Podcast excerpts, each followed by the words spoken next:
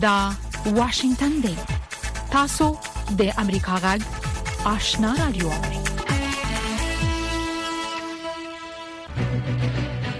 قدرمن اوریدونکو السلام علیکم زه شافیا سردار یم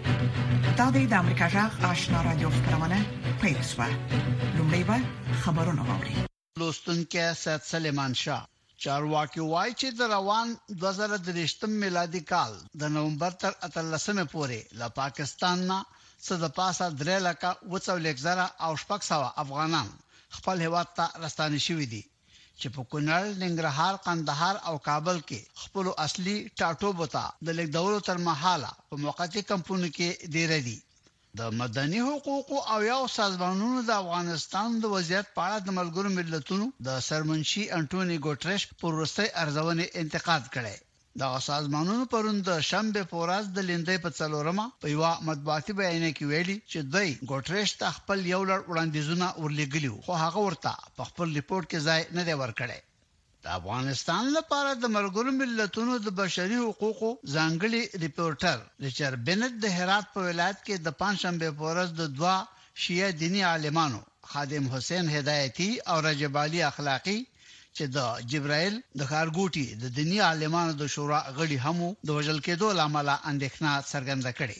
پاکستاني مقاماتو د شنبې په ورځ د لیندۍ په څلورمه وویل چې د کراچۍ ښار په یوه سوداګریز مرکز کې د اور د لګېدنې له امله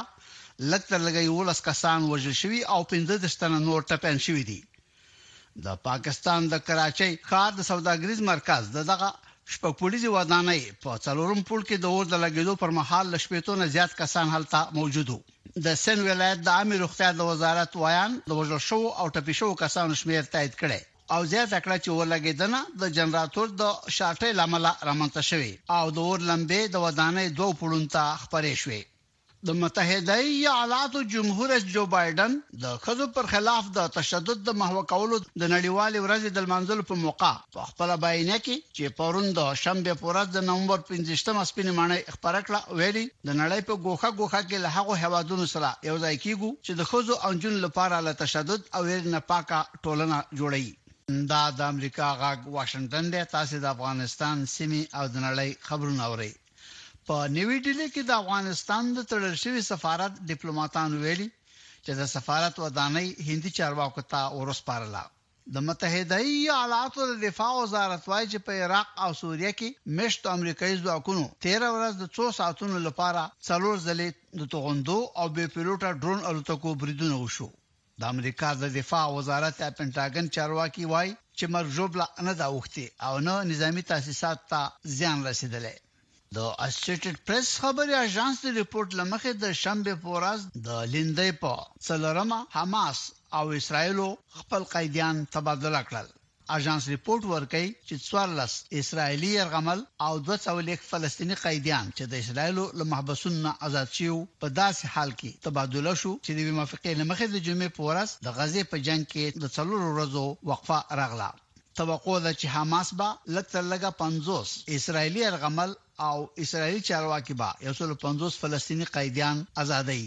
دا موافقه د قطر، مصر او د متحده ایالاتو په منځګړیتوب شوې. په داسې حال کې چې د شنبې په ورځ په لندن کې د فلسطینیانو په طرفدارۍ په لسګونو زرو خلکو د یوې مظاهرې لپاره ځانونه چمتو کول، چارواکو یو زر او پنځه سوه پولیس په امنیتي دندو باندې ګمارلي دي. دا مظاهره له فلسطین سره د پیوستون د مبارزې په نوم یو سازمان تنظیم کړې.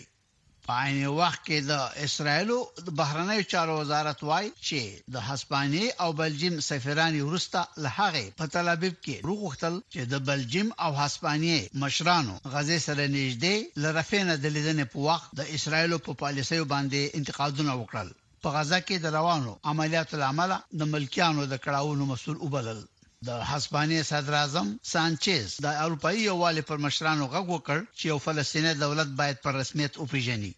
یوه تجارتي کښتۍ چې ویل کېږي د اسراییلو ملکیت دی، د شنبې په ورځ د هند په سمندر کې پرې حمله وشوه. د امریکايي چارواکو په وینا، په دغه حمله کې ایران ککړ دی. د امریکا د دفاعي مامورانو په وینا، کانټینرونو د انتقالولو دا غټه کښتۍ چې د یوه اسراییلي میلیاردر شخصي ملکیت دی، د یوه ایراني ساخت بې پیلوټه ډرون له خوا پرې برید وشو. د جرمني پولیسو د پنجشنبې په ورځ د یو شمېر هغو کسانو پر کورونو باندې چاپې وغورځولې چې د چارواکو په وینا د حماس خواخوږي دي او د سیمې ډون په نوم د فلسطینارددوطرفدار سازمان غړي دي. څلور ایالتونو کې پر پنځلسو کورونو او دارایوګانو باندې چاپې وغورځول شوې. د امریکا د جنوبي ختیځ ایالت اریزونا چارواکي وايي، د هغو زراعتي مځکو اجاره فسخه کړې چې په سعودي عربستان کې د څارویو د خوراک لپاره په کې الفا الفا شنه کېده. ایالتي چارواکو دا اقدام د ځمکې لاندې اوبو په سر د شخړې له امله وکړ. او په داسې حال کې چې افریقایې هیواد کینیا د چین په پورونو کې ډوبه ده، دغه هیواد جمهور رئیس ویلیم روټو چین ته د یو میلیارد ډالرو نور پور خواست کړی، نوموړی غواړي چې دغه پیسې پر یو شمیر نورو پراختیایي پروژو باندې ولګوي. د خبرونو پای. خبرونه مو د امریکا جغ آشنا رادیو څخه واوریدل قدرمن اوریدونکو زموږ په دې سهارنۍ پښتو خبرونه کې د افغانستان سیمه او نړۍ د اوسنوي حالات په اړه کې مهم مطالب لرو هله د خبرونه تر پای واوري لومړی به دا راپورټ واوري چې د افغان مېرمنو د حقوقو یو شمېر فعالان وایي چې په افغانستان کې واک ته د طالبانو د بیا رسیدلو وروسته په دغه هیواد کې په تیرو څه باندې دوه کلونو کې د شذو په وړاندې تاوتریخوالي زیات شوی دی د نومبر پنځویشت مه په نړۍ کې د ښځو په وړاندې د تاوتریخوالي د نړیوالې ورځې په توګه لمانځل کیږي نور تفصيل زموږ د خبريال اکرام شینواری په دې رپورت کې واوري د خزو د حقونو یو شمېر خزینه فعالان وایي چې په تیرو څه باندې دوه کلونو کې ژوند ډیر تریخ شوی او دوی د زده کړو او کار د حقونو په ګډون خپل ډیر حقونه له لاسه ورکړي او پر وړاندې تاوتریخوالی ډیر زیات شوی دی دوه مېرمنو د خپل نومونه د نه ښودو په شرط امریکا غږ ته وویل چې طالبانو حکومت له دوی څخه د ژوند کولو حق هم اخیستی دی. ښکاره خبره ده چې په ژوندي نیم مړه یو. د طالبانو دوه کاله پوره شول، ټول کارونه یې منفي، له ښځې او د ښځو له ټولو حقونو سره په دښمنۍ کې یې ټول وخت تېر کړ، هره ورځ نوی فرمان او نوی بندیز. د دوی ټول فوکس په میرمنو او نجونو باندې دی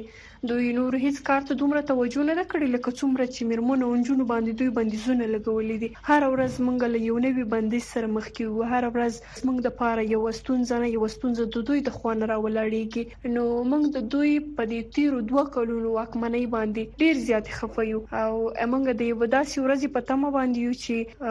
دا هرڅه دا بندیزونه او دا ستونزې زموږ پر وړاندې چې کوم خنډونه طالبانو رامنځته کړي دي د دې نه تیر شي او موږ بیا د تیر په څیر باندې خپل زده کړو خپل کارونو هر څه ته بیرته دوام ورکړو. د نړۍ په اکثرو هېوادو کې د نوامبر پنځه ویشت مه د ښځو په وړاندې د تاوتریخوالي د نړیوالې ورځې په توګه نمانځل کېږي، خو په افغانستان کې د تېرو دوه کلونو راهیسې دا ورځ په رسمي ډول نه ده لمانځل شوې. د دوه زره یوویشتم کال د اګست دمخه دا ورځ او ورسره دغې ورځې د نمانځلو په دوام شپاړس ورځنی کمپاین هم د پخواني حکومت هم د ښځو او بشري حقونو د بنسټونو له خوا د ځانګړو مراسمو په ترڅ کې نمانځل کېده. د دې ورځې سره مهاله د عدالت او ازادۍ لپاره د افغانستان د ښځو غورځنګ ویلي چې په تېرو څه باندې دوه کلونو کې په دغه هېواد کې ښځې د طالبانو تر واکمنۍ لاندې د تاوتریخوالي مختلفې بڼې تجربه کوي. د دغه غورځنګ یو شمېر غړو په یوه سرتړلې ودانۍ کې په یوې اعتراضیه غونډه کې ویل چې د خپلو حقونو لپاره د عدالت د غوښتلو مبارزې ته دوام ورکړي او د خپلو حقونو په برخه کې به هېڅکله له مبارزې شاته نه شي. د ارغوني شنبې د ورځې د غورځنګ یوې غړې زهرا امریکا غږ ته ویل چې طالبانو تر واکمنۍ وروسته ښځو خپل ټول حقونه له لاسه ورکړي او یو شمېر ښځینه فعالان د خپل حق د غوښتلو په جرم زندان کې اچول شوي دي. ما از دیگر زنان و مردم افغانستان میخواهیم قفل سکوت و ترس را شکست داده و در برابر استبداد و جهل حکومت خودخوانده طالبان بایستد. روز جهاني محبوب شونه د له زنان ګرامي باد. همداشان د ښځو د حقونو یوې بلې پالې مبارکه اکبري د طالبانو له حکومت وغوښتل چې د ښځو په وړاندې دې د تاوتریخوالي څخه لاس واخلي. زنان در بیشتر از دو سال گذشته به دلیل اعتراضاتشان علیه سیاستهای ضد انسانی و زن ستزانه طالبان بازداشت، شکنجه، توهین و تحقیر گردیده و حتی مورد تجاوز قرار گرفته.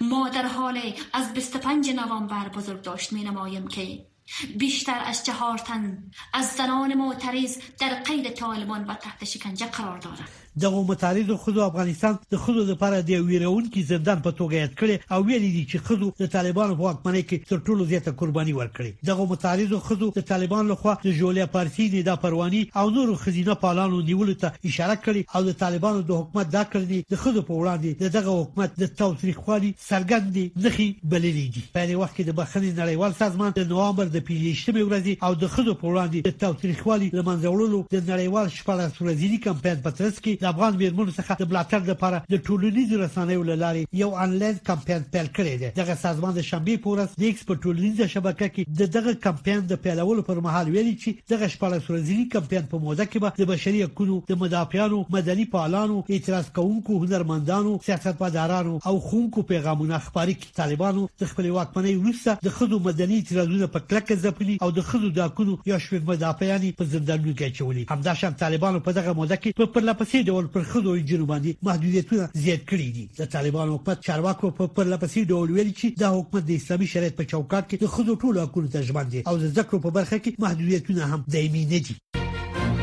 انتظار پای ته ورسید ترنو لیدونکو او اوریدونکو تاسو کولی شئ د امریکا غا ټلویزیونی او رادیوي خبرونه د یاشر ساتلایت له طریقو وګورئ او واورئ د نوي ساتلایت لارې تاسو د آشنا اتصال او کاروان ټلویزیونی خبرونه کتلای هم شئ د امریکا غږ د افغانستان څنګه خبرونه په 308 پټ چنل او د آشنا رادیوي خبرونه په 308 پټ چنل کې اوریدلای شئ لملتيامو د تل پشان مننه قدرمن اوریدونکو پرون د اسرایل او حماس د څلور ورځنی اوربند دوهم ورځ و په دې لړ کې د حماس لخوا یو شمیر برمته سوي کسان خوشي سوي او خپل کورونو ته ستانه سوي دي د هوکړې لمخې به حماس د 150 فلسطینی بنديانو په بدل کې 50 برمته سوي اسرایلان خوشي کړي په دې اړه نور جزئیات زموږ د همکار احمد الله ارچوال څخه وکړي. تمه ده چې د حماس له خوا د یرغمل شویو بندیانو دویمه ډله به نن شنبه اسراییلو ته وسپارل شي. د بندیانو لومړنۍ جوپه د جمعې په ورځ خوشې شول. د دغه خوشې شویو په لومړنۍ ډله کې دیارلس اسراییلي، لس د تایلنډ او یو فلپیني تبع نړیوال سور صلیب ته سپارل شوي دغه خوشې شوي کسان لومړی د اسراییلو دفاعي ځواکونو ته د طبي معاینې لپاره وسپارل شول، چې وروسته بیا د خپلو کورنیو سره د یو ځای کېدو لپاره د اسراییل روغتونونو ته ولېږدول شول. موږ ټولو چې کله له دوی واورېدل، نو زموږ یقین ارام شو. موږ ته بل چا نه، بلکې دوی په خپله وویل چې دوی ښه دي. په ازادو شویو بندیانو کې د دوه، څلورو او پنځه کلونو عمر لرونکي کوچنیان شامل وو. په خوشې شویو خلکو کې د کوچنیانو سربېره، د دوی سره یې د نهه اویا او تر پنځه اتیا کلونو عمر لرونکي مور او پلار هم وو. د اردن سیند په لوېدیځه غاړه کې خلکو د دې څلور ورځني اوربند او د فلسطیني بندیانو د خوشې کېدو هرکلی وکړ. د هوکړې له مخې اسرائیل نهه دېرش فلسطیني مېرمنې او تنکي ځوانان خوشې کړل. موږ نه پوهېدلو چې څه روان دي، خو موږ په اسرائیلو د الاقصی د سېلاب په نوم د حماس له برید څخه خبر وو. موږ ډاډه وو چې له زندانه زموږ ازادېدل نږدې شوي دي. له دې امله که څه هم موږ د غزې د حالاتو له امله ډېر غمجن وو، ځکه چې په غزه کې په خوا هم جګړه شوې ده او د دې عمل د غزې د حالاتو لامل زموږ زړونه خفو د امریکا ولسمشر جو بایډن وایي چې په تیرو څو ورځو کې د قطر د امیر د مصر له ولسمشر سي سي او د اسراییل د لومړي وزیر سره د اسراییل او فلسطینیانو ترمنځ د اوربند د هوکړې د ترلاسه کولو لپاره په دوامداره توګه خبرې کړي بایډن زیاته کړې چې د یرغمل شویو نننی ازادېدل د پروسې پیل دی. په راتلونکو څو ورځو کې تمه لرو چې لسګونه نور بندیان به له خپلو کورنیو سره یو ځای شي. زموږ هغه امریکایي یرغمل شوي خلک هم په یاد دي چې لا هم بندیان دي، خو موږ د دوی د ازادېدلو ژمنه تازه کوو. دوه امریکایي مېرمنې او له هغوی سره کوچنی ابیګیل د ورکو شویو خلکو په لیست کې دي. مونږ به تر هغې آرام نه کینو چې تر څو مو یرغمل شوي خلک خپلو کورونو ته نه وي راستانه کړي او د هغوی ځای مو نه وي موندلی. ملګرو ملتونو د اوربند په لومړۍ ورځ پر خوراکي توکو بار دوه سوه لارۍ د رفاه د پولې له لارې غزې ته ولېږلې. له هغه وخت راپدېخوا چې په غزه کې جګړه پېل شوې، دا غزې ته د خوراکي موادو لېږل شوې تر ټولو ستره مرسته ده. په خوراکي موادو کې د پخلي او روغتونونو د روښانه کولو لپاره د سونګ مواد هم شامل دي. متضاد اړخونه، بېلابېل دریځونه، د سپیناوي تود مخامخ بحث او په اخر کې قضاوت ستاسو پر مهمو سیاسي، امنیتي، اقتصادي او ټولنیزو مسایلو د افغانستان، سیمې او نړۍ دی باندې د ژور څېړنیز بحث مهمه اونیزه خپرونه هایل د هرې جمعې په ورځ د افغانستان په وخت د ماخام ونیمونه تر اته بجو پورې د امریکا غږ د سټلایټ لاري په ژوندۍ بڼه هایل د امریکا غږ د روانو چارو نوي ټلویزیونی خبرونه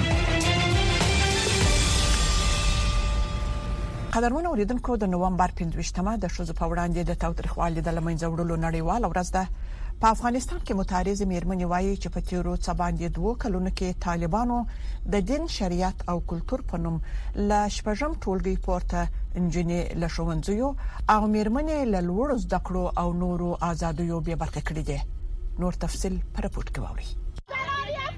سږکال د ښځو پر وړاندې د تاوتریخوالي د لمنځه وړلو نړیواله ورځ د نومبر 15مه په داسې حال کې لمانځل کیږي چې په افغانستان کې د طالبانو له حاکمیدو راهیسې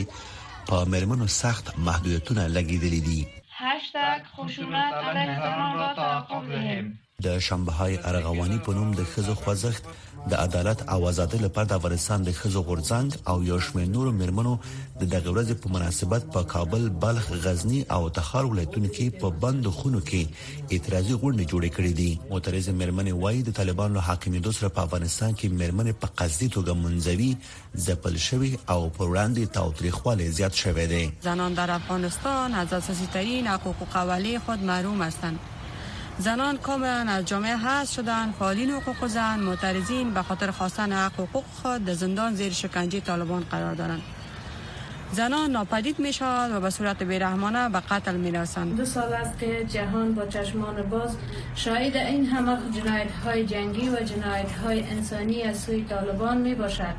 جهانیان شاهد هستند که در افغانستان همه روزه نسل کشی زنان از سوی طالبان صورت می گیرد. د شانبهای ارغونی په نوم د ښځو خوځښت غړي وايي، په تېرو څه باندې دوو کلونو کې طالبانو د دین، شریعت او د افغانستان د کلتور په نوم له شپږم ټولګي پورته د نجونو ښوونځي، پوهنتونونه، سینګارځایونه، تفریحي پارکونه، ورزشي کلپونه او داسې نور ځایونه بند کړي دي. ما زنان افغانستان خواهان تأمین تمامی حقوق انسانی و اسلامی ما هستیم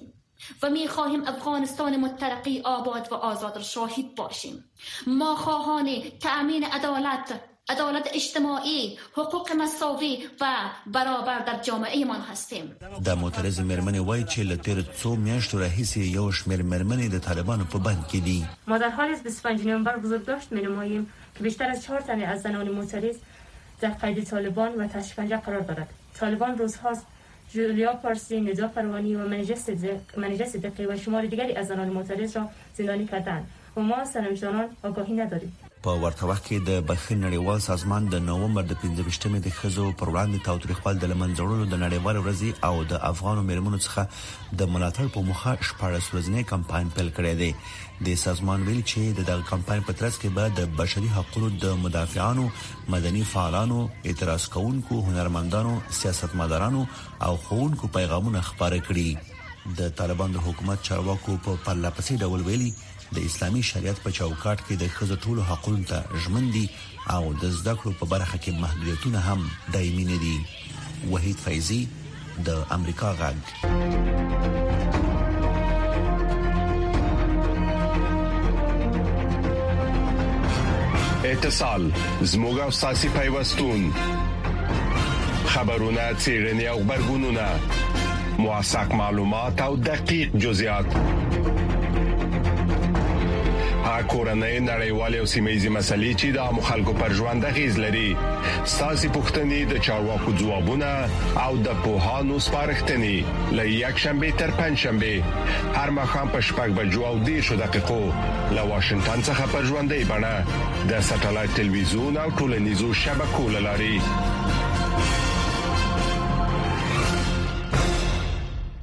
د کابل ښاریان وایي چې د ژمي په درشل کې د ډالرو په وړاندې د افغانیو د ارزښت د پورته کېدو سره سره په بازارونو کې د خوراکي توکو په بیو کې بدلون نه دی راغلی د کابل د ښاروالۍ چارواکي وایي چې دوی هر اونۍ د اسعارو له بدلون سره نرخنامې هم بدلوي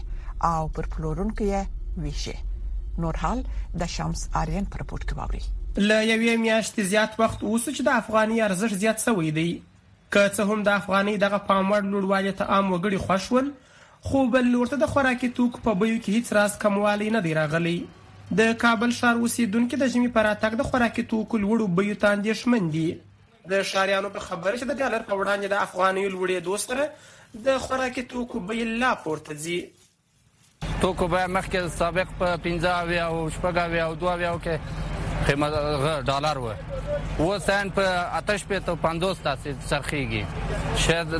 یو جمعه مخ کې یعنی اتیره جمعه عین په دریش په تو 15 په تو کې و یعنی اوس قیمتونه تفاوت نه دا کړی یعنی هماغه سابق باندې دي منګه د دولت نه دغه تقاضا غواړي چې قیمتونه باید راټیټ شي او اقتصادي وضع خلکو یعنی په بيخي په صفر ته رسېدلې ده. بل لور ته ځینې ښاریان وايي چې د بیو د کنترول لپاره د ښاروالۍ له لوري د نرخنامو پر وخت نه وېشل هم یوه ستونزه ده. حکومت باید داسې وکړي چې د تجارانو، د دکاندارانو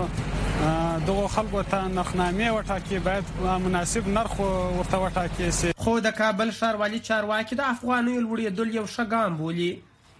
دا چارواکي زیاتوي چې د اسعارو د لوړېدو او ټیټېدو سره د ښاروالۍ له لوري پر وخت د ټولو توکو نرخنامې وېشل کېږي او د سرغړونې په صورت کې اړوندو پلورونکي ته سزا ورکوي. په تمام عوامل کی بر بالا رفتن و پایین رفتن نرخ مواد اولیه که در نرخنامه شاروالی کابل دخیل هسته همه اونا سنجیده می شود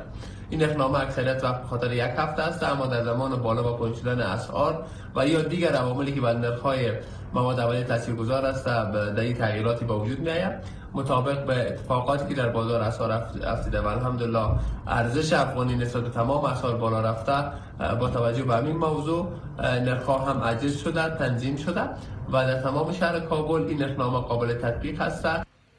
خلک په داسې حال کې د خوراکي توکو له لوړو بیو سر ټکوي چې د خوړو نړیوال پروګرام یا ډبلیو ایف پي په خپل وروستي راپور کې ویلي چې د روان کال د نومبر میاشتې په دویمه اونۍ کې د غنمو او وړو پرته نور د ټولو خوراکي توکو بیې د 2020 او 2021 کال په پرتله پام وړ پورته وې دا چې د خوراکي توکو په بیو کې به د ژمي پر راتګ څومره کموالی راځي لا څرګند نه ده شمس لارین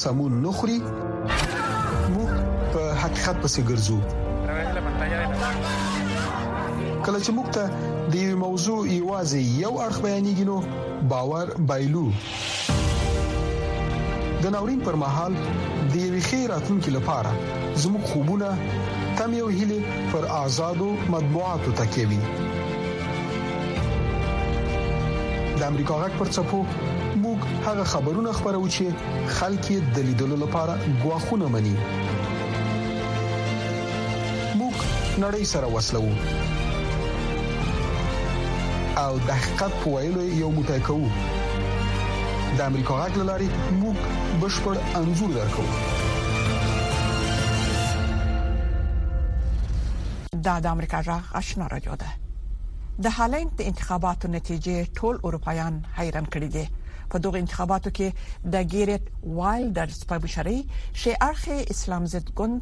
د پارلمان زیاتې چوکۍ ګټلې دي خو د رپوټونو له مخې وایلډرز ته به په یوازې سر د حکومت جوړول ستونزمن وي نور حال پر رپوټ کې واوري خیرت وولډرز د هالند په سیاست کې لډیر وخت را پدې خو یو پارونکې شخص دی خو لدې وړاندې څخه نو موري پرې کچ بریا نه ترلاسه کړي دا ځل د نوموړي ګوند د پارلمان له 150 څوکیو څخه 30 څوکۍ ګټلې دي. هیله دا ده چې خلک خپل هیواد بیرته ترلاسه کړي، چې موږ یقیني کړو چې هالنډ یو ځل بیا د هالنډیانو دی. موږ به د پناه غوښتونکو او کډوالو سمندري توپان محدود کړو.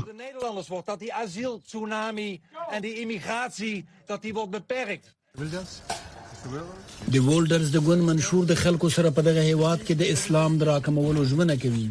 په 2014 کال کې نوموړی هغه وخت مجرم وپیژندل شو چې نوموړي د توکم سپکاوی وکړ او د هغه پر خلاف یې کرکه خپروله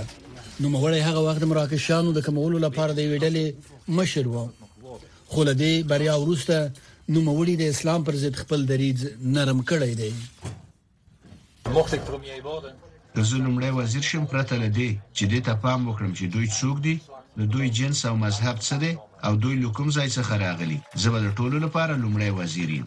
څېړونکي وايي دغه مذهبي لهجې د نوموړي سره د ټاکنو په ګټلو کې مرسته وکړه. هغه څه چې نوموړي ویلي هغه دا دی چې د اسلام سره به د نوموړي کرکه لا هم د نوموړي د شخصیت یوه برخه وي. خو ده وئيلي چې دغه کرکه به يوې خوا ته کېږدي او اړينه نه ده چې د اسلام پر ضد کرکه ئي د حکومت برخه شي. دی فکر کوي چې له دغه لارې د ايتلاف يو لا زيات باوري غړی کېدی شي. د وولډر ژېړ رنګ شوي وېښتان او د نوموړي بنسټپاله مفکوره، دی د امريکا د پخواني ولسمشر ټرمپ سره د پرتلې وړ ګرځوي. د وولډرز د لومړي هالنډ ښار د نړۍ د نورو پاپوليستو سياستوالو د نارې بدرګه ده. دا يوه نړيواله څپه ده. دا د نړۍ په هر ځای کې د دولتي بنسټونو پر وړاندې يو ستر پاپوليستي اوښتون دی. د وولډرز د ازادۍ تحريک ګوند اوس هم د اکثريت د ترلاسه کولو لپاره نهدېرشو څوکيو ته اړتيا لري. دا لا روښانه نه ده چې نور ګوندونه به د نوموړي سره کار کولو ته زړه ښه کړي او که نه. په دې اړه ښايي خبرې اترې ډېر وخت ونیسي. د اروپا ښي اړخو سخت دریځو مشرانو نوموړي ته مبارکي ویلې ده. د هرنګري لومړي وزیر ویلي دي چې د تغییر هواوې رالوتلې دي.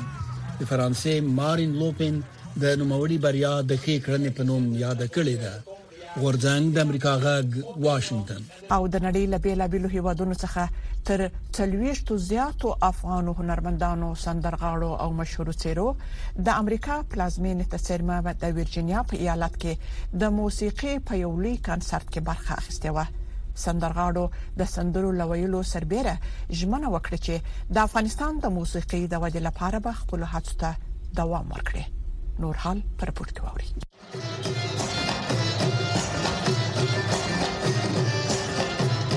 د سلګونو مینوالو مخکې د افغانستان د زړه راکښونکو سازونو د رباب د ترنګ او د سیتار د شرنګ سره هنرمندانو د موسیقي ورک یادونه بیرته تازه کړه په افغانستان کې موسیقي اوس نه غږول کیږي او موسیقي خلک نه اوري منسوي ده خو هیڅ کله به افغاني موسیقي محلي موسیقي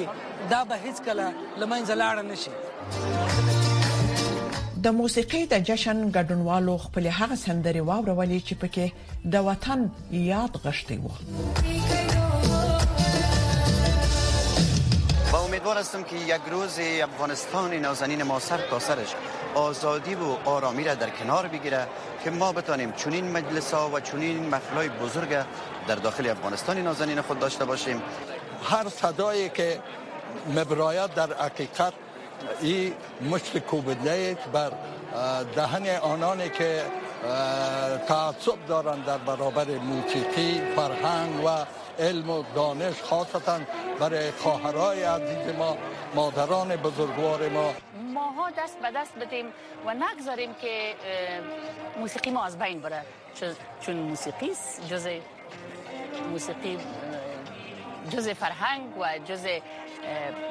روح روان انسان تاثیر مثبت خود داره د موسیقي د جشن یو تنظیمونکي سلیمان لطفي وایي چې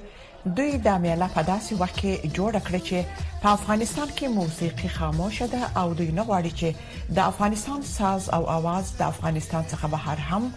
غلي ووسي اینمی کنسرت ها و جمعواری که هستن ما امیت په تلاش ماست که هیچ وقت نمانیم که موسیقی هنر خاموش شه بر افغانستان. د موسیقۍ په دې محفل کې د افغانستان د موسیقۍ مشهور ږغ او څېره میرمن مهوش هم مېلمنه وه. د غونډې په جریان کې د میرمن مهوش د خدمتونو ستاینه وسوه او په جایزې ونازول شوه. میرمن مهوش د حاضرو مینوالو مخکې خپل وروستۍ سندره زمزمه کړه او نور یې د هنر سره مخه شه اعلان کړه همه خزشون خواهش دارم که ما زنا خو مادر هستیم اگر زن نمی بود عالم نمی بود نشان زی اولاد آدم نمی بود زنا را قید کردیم اینقدر درد دارم دلم بسیار درد داره که در اینجا متاسفانه که آمدیم که اگر مرا برم مرا نکشین بانیم که ما برم وطندارای خدا ببینم د ټرای ویژن شرکت او د طوطي تلویزیون شبکې مسؤلینو د موسیقۍ د دې جشن د جوړولو اساسي هدف دا وښود چې د افغانستان موسیقي باید ژوندۍ وساتي او په تیرو دوو کالو کې چې پر افغان هنرمندانو کوم بندیزونه لګیدلي هغه نړۍ ته روښانه کړي او ژغه دنیا ته ورسوي درنو لیدونکو زموږ د خبرونه په همدې ځای پای ته ورسیده